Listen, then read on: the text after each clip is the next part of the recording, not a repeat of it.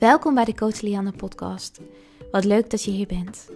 In deze podcast bespreek ik verschillende onderwerpen omtrent eetproblemen, zelfliefde, lichaamsacceptatie en zelfontwikkeling. Al met al, alles om te zorgen dat jij sterker in je schoenen komt te staan en dat jij vanuit zelfliefde en vanuit de kracht die al in jou zit, gaat leven. Ik wens je heel veel luisterplezier en als je deze podcast leuk vindt, zorg dan dat je je abonneert zodat je geen enkele aflevering van mij mist.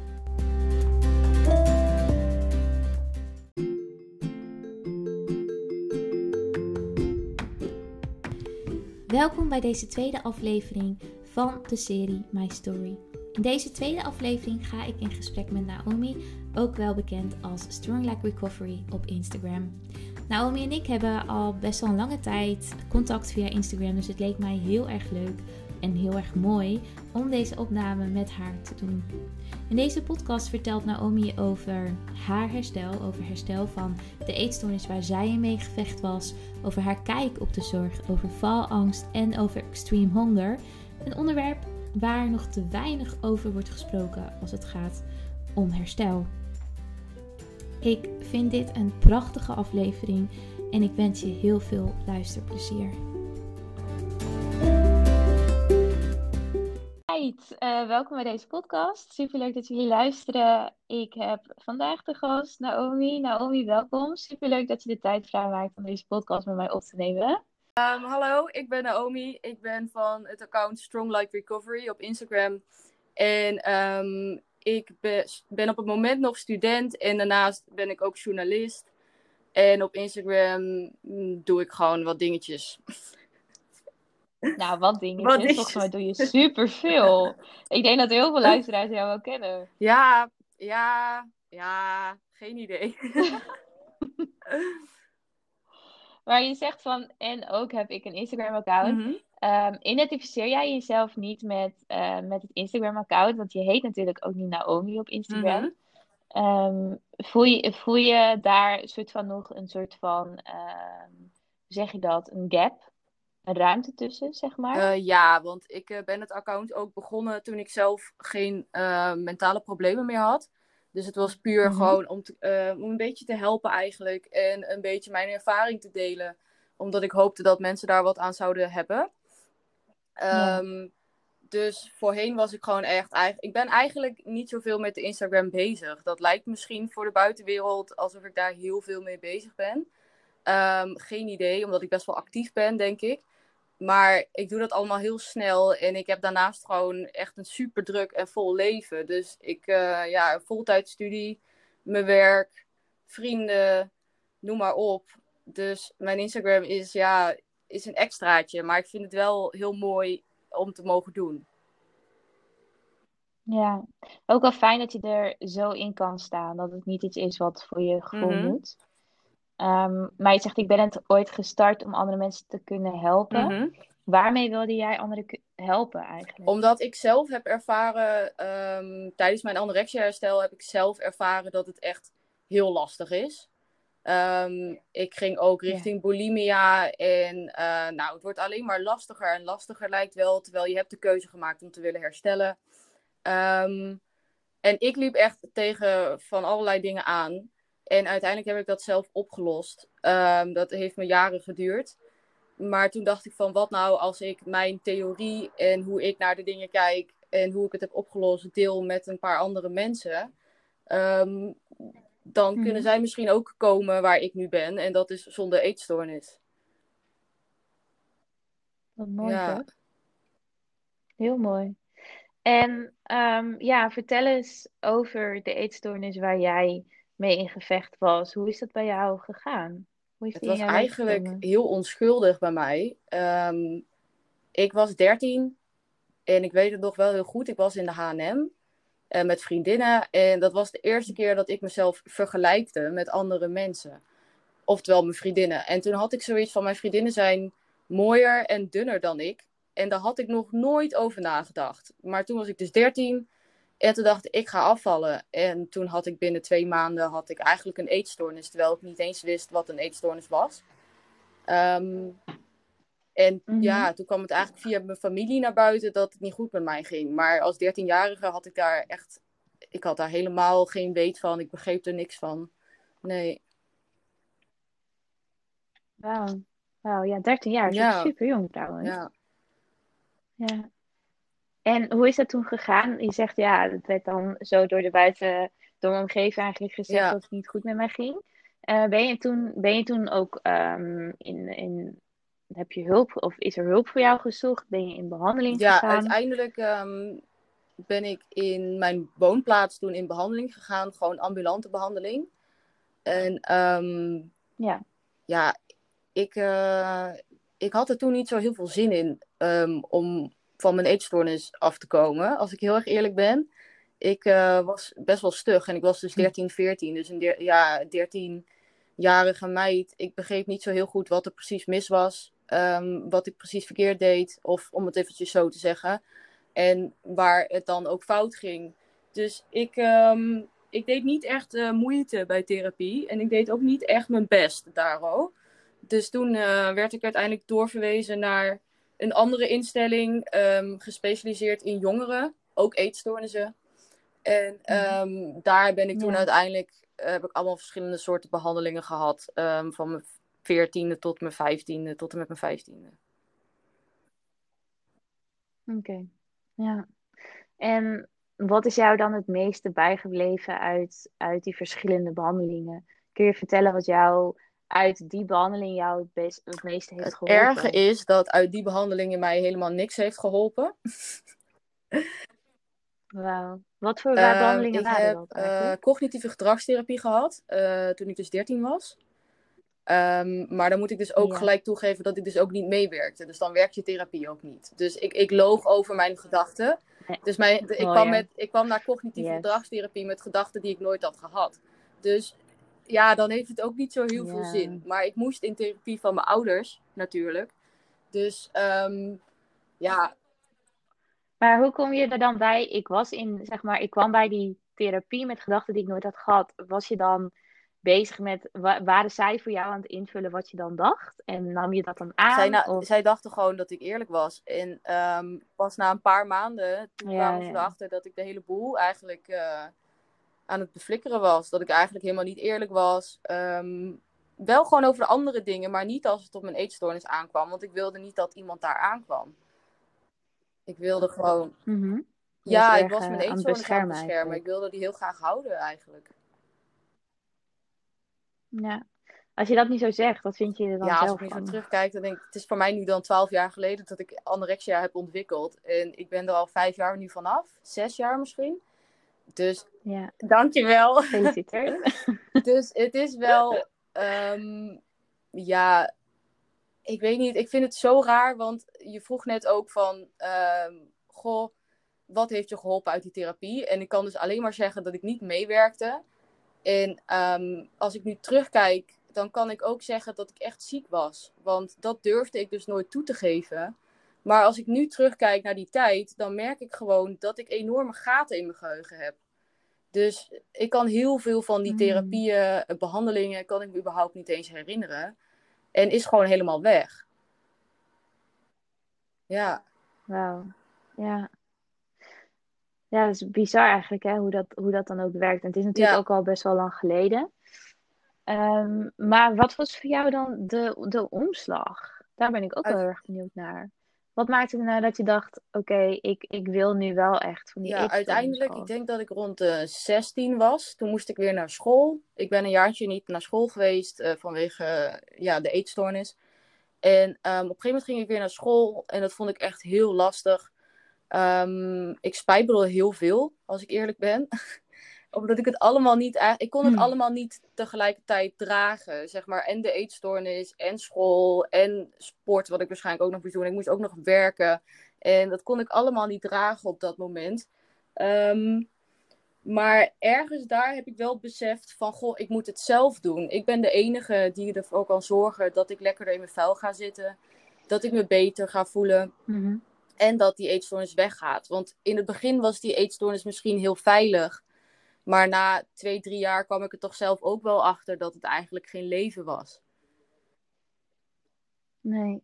Nee, mooi. Ja. Heel mooi. Dus eigenlijk was dat dan voor jou ook wel, ik wil wel leven, maar ik wil niet meer Ja. op deze voet verder. En je, en je hebt het over veiligheid. Is dat ook een ding wat, eh, wat voor jou die eetstoornis in stand hield? Of waar die eetstoornis jou bij hielp of mee hielp? Het gevoel van Eh, veiligheid? ja, het was eigenlijk één groot kopingsmechanisme.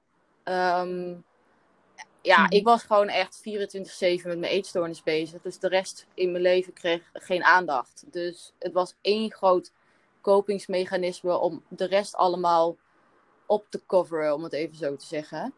Ehm, maar dat had ik destijds niet per se door. Daar kom ik eigenlijk nu pas een beetje achter, dat dat, dat zo heftig was. Ja, ja, grappig dat, of nou ja, grappig.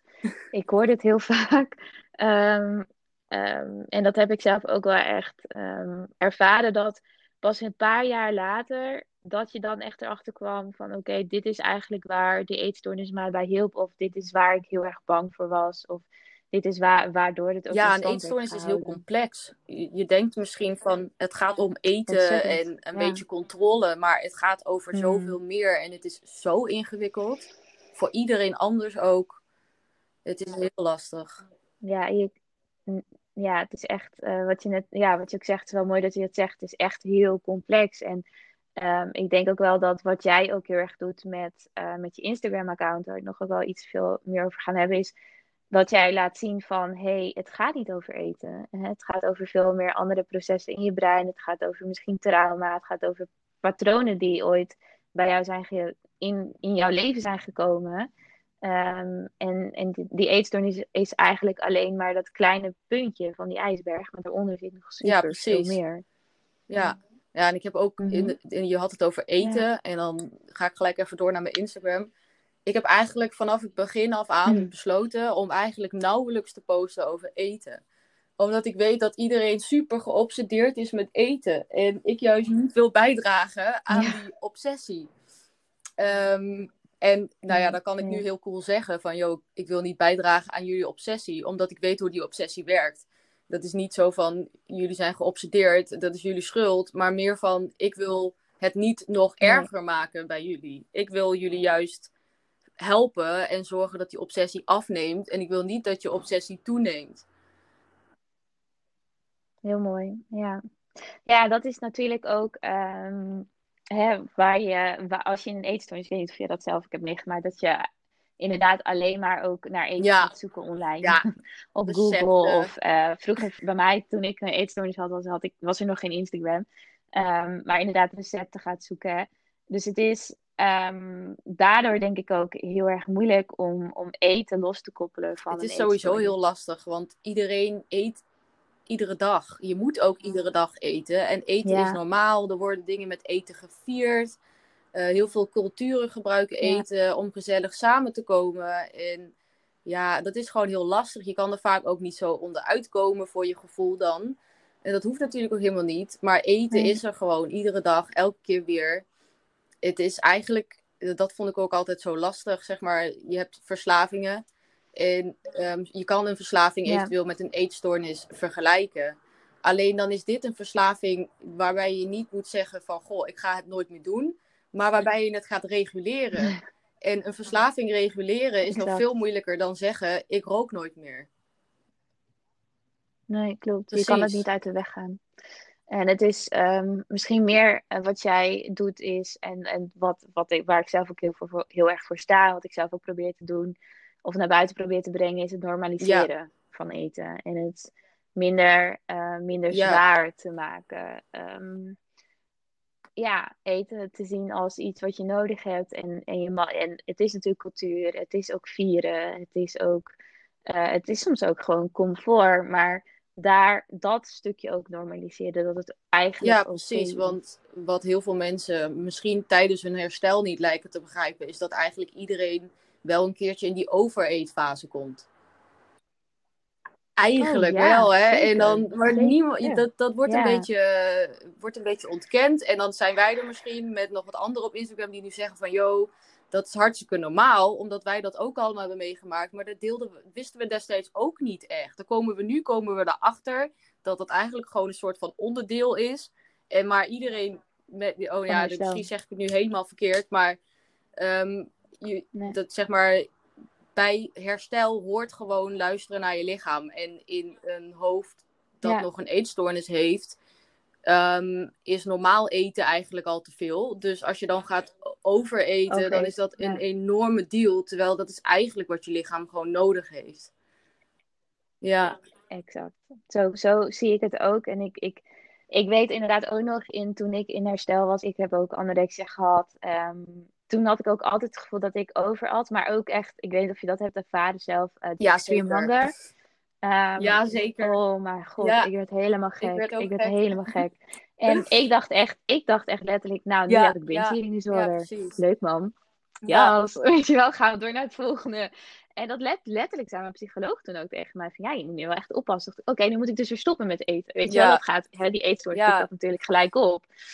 Um, totdat ik dat ging googlen en in uh, Amerika zijn natuurlijk mhm. veel meer onderzoeken gedaan. Dus kwam ik eigenlijk achter, oké, het is extreme hunger. Het, is, het hoort erbij, het is normaal. Je lichaam is processen weer aan het, aan, het normaliseren in je lichaam, aan het herstellen. Je hebt het nodig.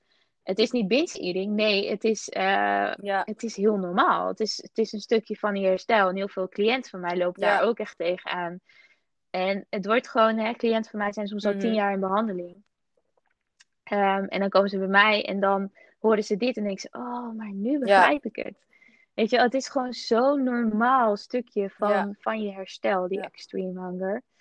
Ja, mooi dat je dat ook want, even ja, bij, bij een van die cliënten van jou betekent dat dus letterlijk gewoon dat je tien jaar lang met je lichaam hebt zitten klooien. Dus het is heel logisch dat je lichaam zichzelf nu in bescherming neemt door in zo'n extreme hunger situatie te komen of te geraken. Dat is heel logisch. Alleen, ja, als je een eetstoornis hebt inderdaad, wat je net zei, als je daaraan toegeeft, dan worden die gedachten van je, je eetstoornis wordt versterkt. Omdat altijd, die vat dat negatief op. En dan wordt alles weer versterkt.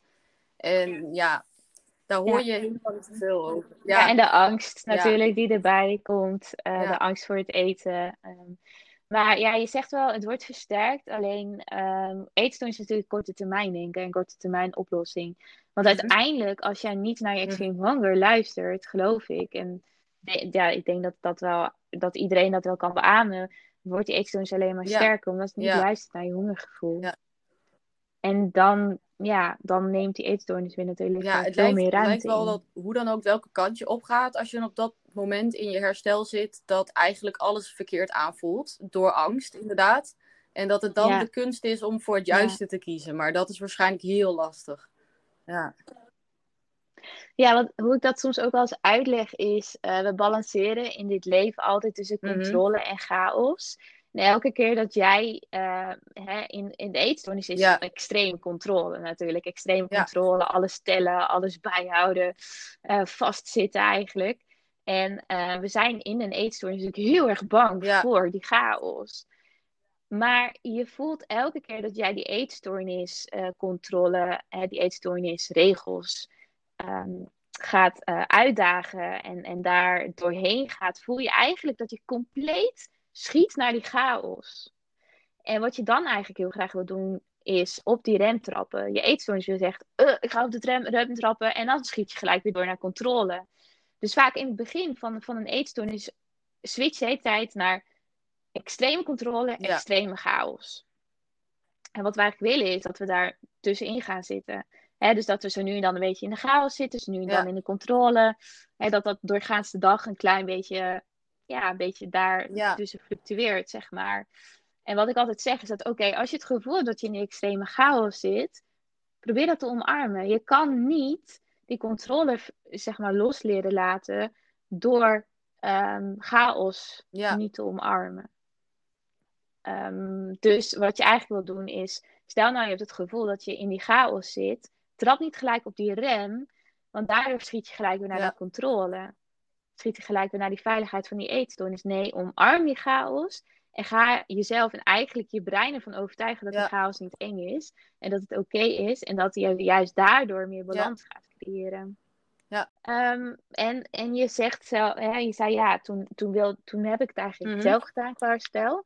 Leg dat eens uit. Want het lijkt mij heel, um, best wel, best wel heftig of best ja, wel daarom ging het niet zo soepel. Want als ik dan zeg maar even terugkijk naar die periode, dan was het zeg maar drie jaar dat ik wel eh, in, in behandeling was, maar eigenlijk dus niet meewerkte. En toen, daarna heb ik dan inderdaad zelf moeten herstellen. Maar dat is gewoon omdat ik eigenlijk negatieve ervaringen had in de ehm, zorg. Nu niet meer overigens, maar destijds wel. Ik was inderdaad niet meer in behandeling vanaf mijn 15e, 16e ongeveer. Ehm, en de laatste jaren van mijn eetstoornis en eigenlijk het hele herstel heb ik dus zelf grotendeels gedaan. Wel met behulp van mensen uit mijn omgeving natuurlijk. Ehm, maar ja, ik had dus negatieve ervaringen destijds in de zorg. En ik wilde niet weer opnieuw de zorg in.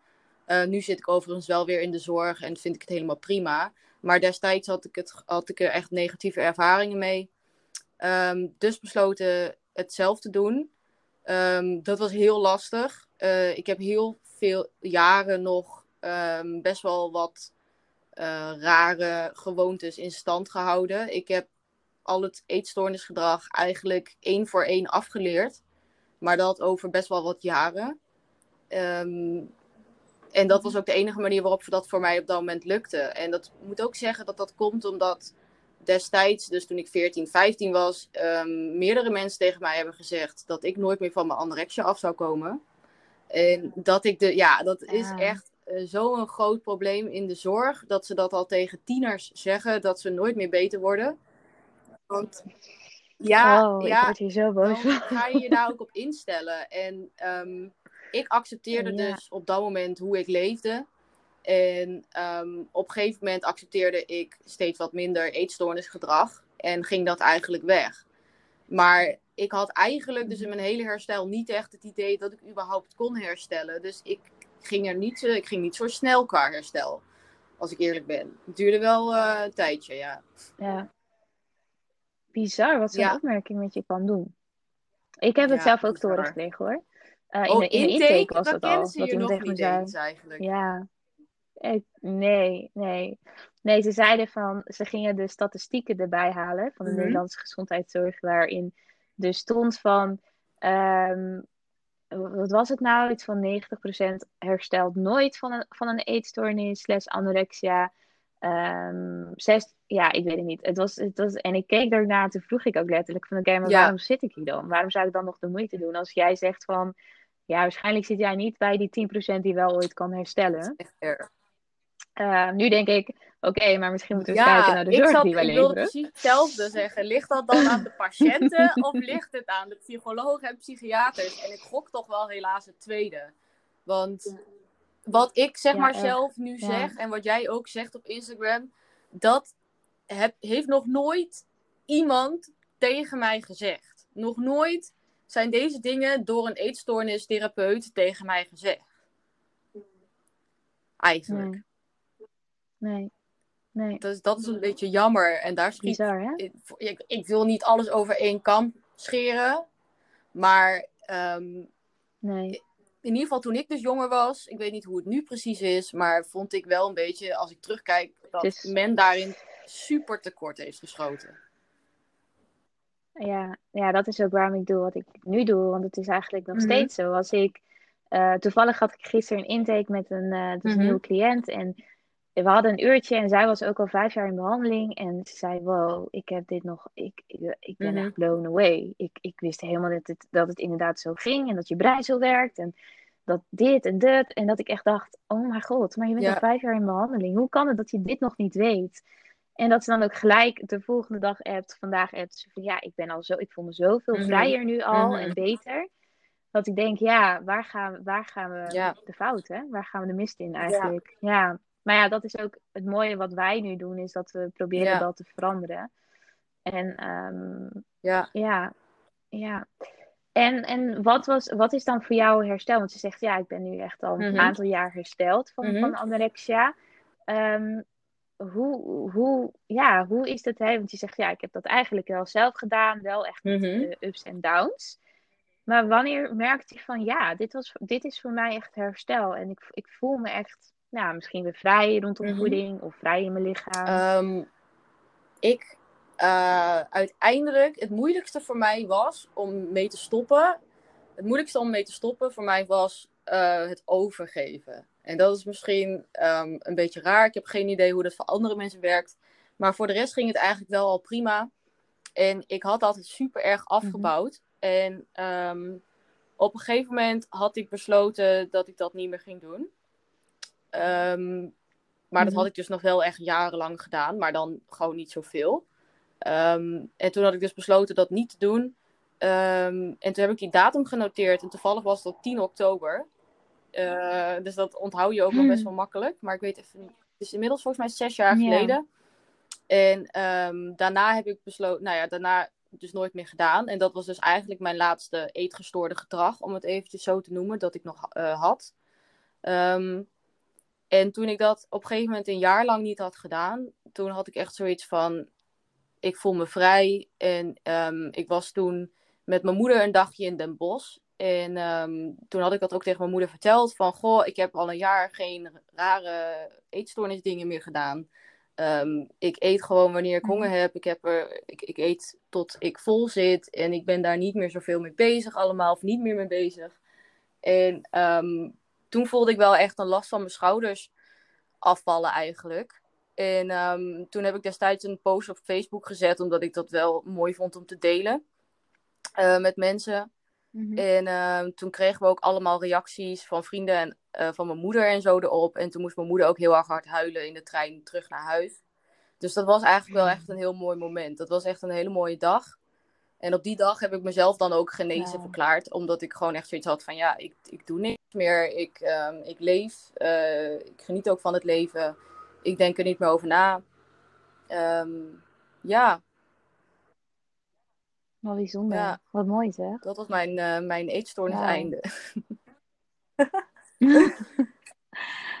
en, en vond je dat ook eng? Eh, ermee stoppen of het accepteren dat het weg was? Wat bedoel je precies? Accepteren dat het Ehm, weg was. op dat moment niet, want ik was er echt wel echt al een paar jaar klaar mee, moet ik zeggen, met die eetstoornis. Dus ik was ehm, er wel heel blij mee dat ik het eindelijk eh, achter me kon laten. Want ja, la- ik vond het op een gegeven moment echt niet leuk meer. De laatste de twee, drie jaren van mijn herstel vond ik eigenlijk gewoon echt verschrikkelijk. Want je gaat dus inderdaad heel de tijd tegen je angsten in. Dus eh, het was op dat moment Ja. voor mij wel echt een... eh, dat ik dacht van, hè, ik heb het gedaan. Ja. Ja. Wat mooi zeg.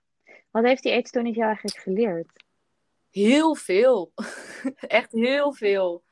Ehm, maar dan weet ik het niet zo goed of dat komt omdat ik zeg maar met heel veel andere eh, mensen omging die ook problemen hadden. Want daar leer je ook heel veel van, Mhm. van andere mensen. Ja. Ehm, En ja, qua gedachtegang, zeg maar hoe ik eventueel negatieve gedachten, eh, hoe ik daarmee om moet gaan, dat heb ik toch wel geleerd, omdat je dat eigenlijk ook bij je eetstoornisherstel moet doen. Ehm, Ja. ja, maar dat zijn dus eigenlijk dingen omdat ik er vanaf ben gekomen. Dat is wel denk ik heel duidelijk om te zeggen. Dat, want eh, iets positiefs heb ik er dan in die zin niet echt eh, uitgehaald. Het was eigenlijk alleen maar de dingen die ik heb geleerd, heb ik geleerd tijdens mijn herstel. En dan leer je ook over jezelf, Ja. dan leer je jezelf kennen, dan leer je ook kennen wat wel en geen eh, sociaal geaccepteerd gedrag is, om het even zo te zeggen. Ehm, vond ik dan Ja. in ieder geval. Dus ja, Mhm. nee, ja, nu ik terugdenk aan de vraag, denk ik van, nu is het net alsof ik eh, een eetstoornis aan het promoten ben. Maar dat is absoluut niet de bedoeling natuurlijk. Nou, ik denk wel dat heel veel mensen dat wel begrijpen. dus dat Ja. mag ik hopen ook met, met wat je Ja. doet verder online. Maar nee, nee, nee, nee. Nee, maar ik snap wat je bedoelt. Ja. Ja, ik liep even vast in mijn hoofd gewoon. Ik dacht van, ja, eh, iets, ja, wat heb ik geleerd? Ja, ja. Ja, Nou ja, wat ik, wat ik bijvoorbeeld, ik heb natuurlijk, eh, wat je ook zegt, ik heb superveel geleerd in mijn eetstoornis van mezelf en eh, van het leven zelf. En wat je ook zegt, hoe je met je gedachten om kunt gaan. En ehm, mijn eetstoornis heeft me wel gebracht tot het werk wat ik nu kan doen. En daar ben ik wel heel dankbaar voor. En niet omdat ik vind dat iedereen een eetstoornis zou moeten hebben om te komen waar ik nu Ja. sta, bijvoorbeeld. Maar meer van, het, het, ik, probeer, ik probeer het voor mezelf persoonlijk. En ik, ik, dat is ook wel iets wat ik altijd wel wil, Mhm. wil meegeven. Om er wel een positieve Ja. draai aan te geven. ja, wat ik me nu bedenk, Ehm, wat ik wel ja. altijd tegen andere mensen zeg, is ehm, dat ik hoop en dat ik dat ook wel denk. Ik ben wel echt een doorzetter. En ik hoop zeg maar dat we allemaal na ons uh, herstel wel dat doorzettingsvermogen van onze anorexia mee mogen nemen in mooie en goede dingen in ons leven. Hmm. Want het doorzet... Merk je dat trouwens Ja, ik, jawel, jawel. ik heb toch wel echt doorzettingsvermogen. Ja, zeker. Ja. Ja, ik denk ook wel dat dat voor heel veel uh, mensen die een eetstoornis hebben, um, ik denk jullie luisteraars die een eetstoornis hebben, zich daar wel in kunnen vinden. Dat, dat je eigenlijk het doorzettingsvermogen misschien een beetje op de verkeerde manier gebruikt in je eetstoornis, maar dat iedereen die een eetstoornis heeft echt een ontzettend hoog doorzettingsvermogen heeft. Perfectionisme natuurlijk komt er ook nog bij. Um, ja, het doorzettingsvermogen is zo hoog dat het bijna een beetje eng is, vind ik altijd. Ja, destructief, kan worden ook. kan worden, ja. ja.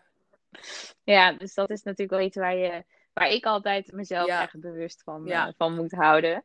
Um, maar ja, dat, dat is natuurlijk ook het inzicht wat je hebt gekregen. Dat je weet, oké, ja, ik weet, ik kan altijd doorgaan, maar het is nu even klaar. Even de rem erop. Ja, ja. En um, qua onzekerheden, zijn er nog dingen waar jij je op dit moment onzeker over voelt eigenlijk? Ik denk zelf dat ik mijn faalangst en perfectionisme heb overgehouden aan mijn anorexia. Um, ik heb hmm. namelijk het idee dat als ik zeg maar terugkijk naar hoe ik was voordat ik dat ontwikkelde, um, was ik daar helemaal niet mee bezig. Um, en ik denk dat het gewoon nog eens een beetje is blijven hangen. Want een eetstoornis doet heel veel met je zelfvertrouwen en met je zelfbeeld. En nou ja, inderdaad, heel veel personen met een eetstoornis zijn ook super perfectionistisch. het lijkt wel alsof mhm. dat er een beetje bij hoort eigenlijk. Um, en dat heb ik een beetje daaraan overgehouden. Um, in die zin dat ik ja, gewoon bijvoorbeeld spreken voor groepen. Ik lijk altijd super extravert en outgoing en aanwezig. Hm. Maar spreken voor vreemde mensen, nou, dan ga ik nog liever op de grond liggen, huilen, echt waar. Ik, uh, ik vind het echt verschrikkelijk. Hm. Ik maak me er echt dagenlang druk om. Maar het gaat wel de goede kant op, want daarvoor ben ik dus ook nog in therapie. En dat gaat ook wel echt veel beter. Maar um, ja. ja, dat heb ik denk ik wel een beetje daaraan overgehouden. En zelf vind ik ook niet echt dat dat past bij mij als persoon om zo faalangstig te zijn. Maar dat is er dus wel. Ja. Oké, wauw. En die faalangst, is het dan. Um, had je dat in je eetstoornis nou ook al? Of is dat echt daaruit wel ontstaan? Uh, ja, ja, ik had dat tijdens mijn eetstoornis wel. En dat is dus echt tijdens mijn eetstoornis ontstaan. Maar daarvoor had ik het dus helemaal niet. En dat vind ik dus heel typisch. Um, ja. Oké, interessant. Ja. ja. ja. en je zegt, daar ben ik nu ook voor in therapie. Ik, ik vind het ook wel mooi dat je daar ook gewoon open over bent. Net zoals dat ik ook altijd zeg, ja, ik word ook nog gecoacht. Um, want er zijn altijd dingen, denk ik, en geloof ik, uh, waar je aan kan werken. En onzekerheid is ook echt helemaal niet slecht of erg. Ik denk dat iedereen, nou dat weet ik echt wel zeker, dat iedereen onzekerheden heeft.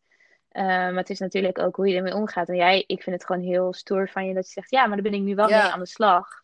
Uh, om te kijken waar komt het dan vandaan. Dat heeft ook best wel, het vergt wel een stukje kwetsbaarheid. Ja, nou ja, ik zeg altijd over therapie. Eigenlijk kan iedereen gewoon in therapie. Want het is eigenlijk gewoon een vrijblijvend gesprek.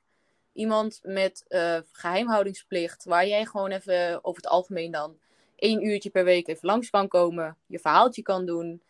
Objectief gezien uh, heeft die persoon niet per se een mening, of kan die persoon wel een mening hebben, maar je krijgt gewoon een soort van advies.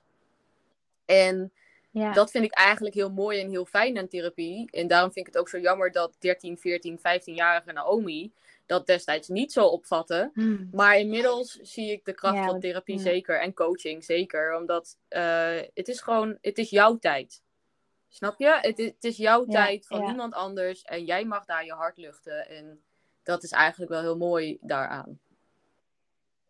Mooi dat je het zegt. Je leert misschien ook waar heel veel mensen misschien nog wel moeite mee hebben. Je leert echt je plek innemen.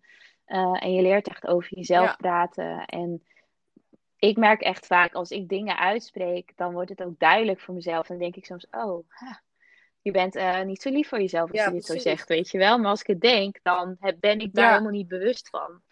Ja. ja, mooi. Mooi dat je het zegt. En um, ik ben ook wel eens, ik, we hebben het eigenlijk helemaal niet over Mhm. lichaamsbeeld gehad of lichaamsbeeldacceptatie. Was dat iets waar Oh, je heel erg. ook? Ja, ja dat is ook. Mhm. eh, ik, ehm, ik had het. Nou ja, dat is niet handig voor de podcast. Maar ehm, ik struggelde heel erg met lichaamsbeeld. Ehm, op die manier dat ik eigenlijk helemaal nu, nu, als ik nu terugkijk naar die tijd, heb ik gewoon 0,0 beeld van hoe ik er toen uitzag. Ik, ik heb, Hmm, ja, heel ja. raar. Ik weet helemaal niet hoe ik eruit zag. Ik dacht dus dat ik de meest dikke persoon op aarde was. Nou, dat kan, feitelijk gezien, kan dat natuurlijk helemaal niet. Ehm, dus eh, ja, ik heb ook bijna geen foto's, want ik wilde nooit op de foto, want ik vond foto's verschrikkelijk. Ik ging altijd alle foto's afkraken. Dus ik heb eigenlijk eh, niet, e- ik heb niet echt een duidelijk beeld tot beschikking qua foto en ook niet in mijn hoofd. Dus ehm, ja, mijn lichaamsbeeld was eigenlijk helemaal kapot. Ja. ja, bizar is dat, hè? Hoe, eh, hoeveel afstand je dan Ja. eigenlijk creëert Ja. eh, van je lichaam. Ja. Is dat iets waar je nu ook nog mee struggelt? Of heb je daar helemaal ik geen ben nu echt het tegenovergestelde van dat ik mijn uiterlijk eigenlijk niet meer zo heel erg Hmm. belangrijk vind. Ehm, dat ik echt zoiets heb van dit is wie ik ben en dit is hoe ik eruit zie en hier moet ik het mee doen. Ehm, ja, dat heb ik eigenlijk al best wel lang en dat vind ik eigenlijk best wel fijn. Ik ga ook heel. Ja, ik ga. Nou, dat snap ik. ik denk dat heel veel luisteraars Ja. denken, oh fuck, dat wil Nee, ik dat ook. Heb ik, dus heb ik eerst ook heel lang niet gehad. En ik ga nu ook heel vaak zonder make-up de deur uit. En het boeit me ook allemaal helemaal niks. Ik ga zonder make-up naar de unie. Ehm, het, kan, het zal me allemaal gestolen worden. En ehm, dat vind ik zo fijn. Dus ehm, ja, Nou, ja. Wat goed. Heb je daar een tip voor, misschien, voor de Ehm, luisteraars? Ja, wat ik wel fijn vond, ehm, is dat eigenlijk iedereen gewoon anders is. En ehm, ja, dat, dat klinkt heel cliché, maar ik vind dat eigenlijk wel gewoon best wel helpend. Iedereen is anders. Iedereen ziet eruit zoals hij, zij eruit ziet. En daar kun je nou eenmaal niet superveel aan veranderen. Daar hoef je ook niks aan te Ja. veranderen, want je bent goed zoals je bent. Ehm, en iedereen wordt ge- geboren zoals hij, zij is. En dat soort ja, relativerende gedachten helpen mij altijd heel erg. En dat is ook een beetje wat ik dus ook op Instagram, Instagram probeer te verkondigen. Gewoon van die, van die simpele feitjes. Ja, je kan het als cliché opvatten, maar het is gewoon zo. Iedereen is nou eenmaal anders. En ja, Ja. ja. Die clichés hebben nodig. wel. Vooral, Ja. vooral in herstel heb je dat nodig. Ja, ja. Mooi, mooi. En ehm, ik vind deze vraag altijd Mhm. heel leuk om te stellen. Wat zou jij nu tegen het meisje wat jij vroeger was, het meisje dus wat in, in gevecht was met eten, met zichzelf, met haar lichaamsbeeld, wat zou je nu tegen haar willen Het zeggen? eerste dat in me opkomt is gewoon letterlijk, waar, eh, wat doe je jezelf aan? Waar ben je mee bezig? Dat, Mhm. Want het Ja, levert je helemaal niks op eigenlijk. En je denkt dat het je van alles oplevert, maar dat doet het helaas niet. nee, nee. Nee, je bent jezelf eigenlijk Ja. alleen maar kapot aan het Ja. maken. En dan heb ik het wel echt over de 13, Ja. 14, 15-jarige Naomi. Dus nog wel een beetje de kinderlijker. Die het, dus niet, die het ook gewoon letterlijk niet begreep. Ja. Ehm, Nee, maar dat is ook wel logisch. En het is, ik vind het ook, het is ook echt een lastige leeftijd. Ik was Mhm. 16, 16 jaar. Het is echt een leeftijd waarin Ja, er zoveel ja. dingen veranderen. Je lichaam verandert. Je, je, je moet Ja. opeens een opleiding kiezen. Je moet opeens een, een, een plan maken voor de komende vijf tot tien jaar. En dan denk ik, ja, oké, ook maar er zijn ook zoveel andere dingen in mijn leven ja, die ik kwam toen dus in de puberteit en dat vond ik ook heel lastig. Ja, allemaal dat soort dingen, ja. Ja. Dat is eh, ingewikkeld op de een of andere manier voor de vrouw. Ja, Ja, ja, nee, klopt. Dat, Ja. Maar dat mag ook. Het mag ook ingewikkeld zijn. Ja. Ja. En dan wil ik nog Mhm. één ding aan je vragen. Ehm, wat wil jij graag meegeven aan alle luisteraars die op dit moment in gevecht zijn met een eetstoornis of met een verstoorde relatie tot zichzelf, tot, tot eten? Wat zou jij graag mee willen geven? ik zit heel, hier ga ik heel eventjes over nadenken, want het moet natuurlijk wel een fantastisch antwoord zijn. ja, precies. Moet helemaal Daar komen we perfect. weer hoor, met dat perfectionisme. Nee, eh, even kijken. Ik, ik wil dan gelijk een soort advies meegeven. Ik ben altijd zo'n adviesmevrouw. Ik weet niet wat het is.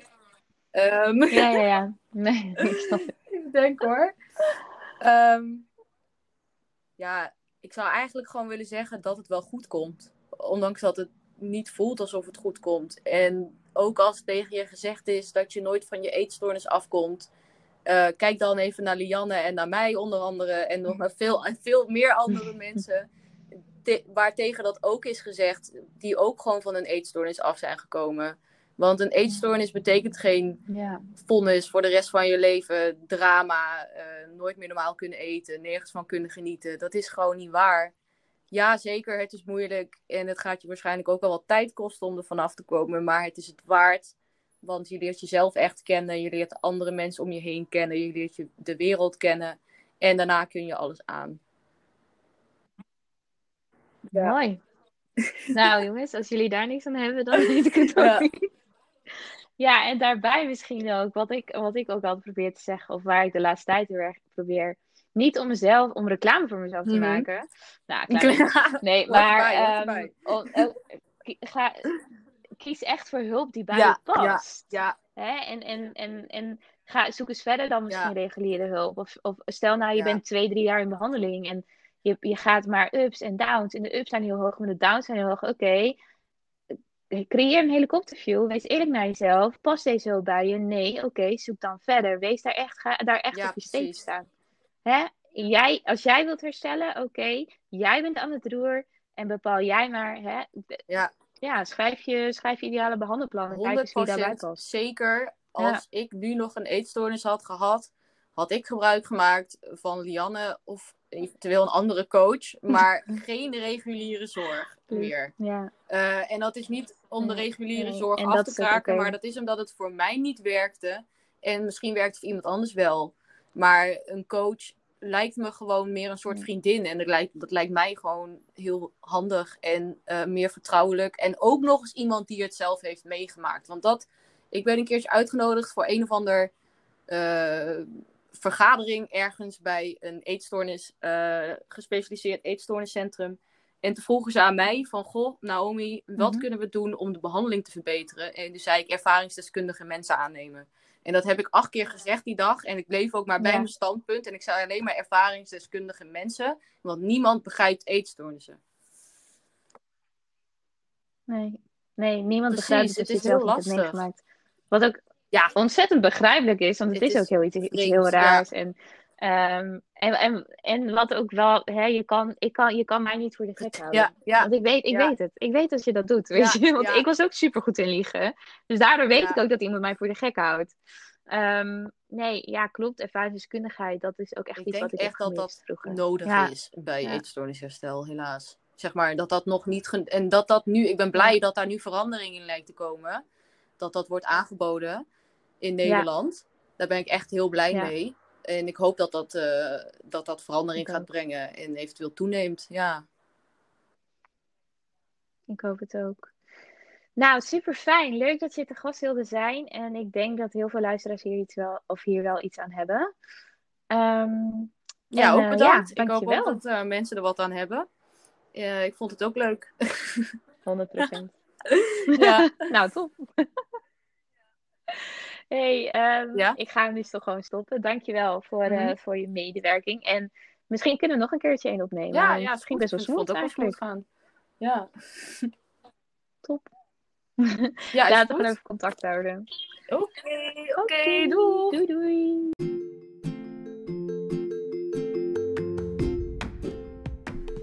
Ik wil je nogmaals bedanken voor het luisteren naar deze podcast. Mocht je nou fan zijn van deze podcast en dit willen delen met je vrienden, zou ik dat super fijn vinden door dit te doen op social media. Zodat we nog meer awareness kunnen creëren rondom een verstoorde relatie tot voeding, sporten en je lichaam speelt. Hoe meer, hoe beter. Daarnaast, mocht je interesse hebben in mijn boek, de online cursus of één op één coaching, ga dan even naar www.coachlianne.nl voor meer informatie. En daar kun je ook het contactformulier invullen en dan kom ik zo snel mogelijk bij je terug.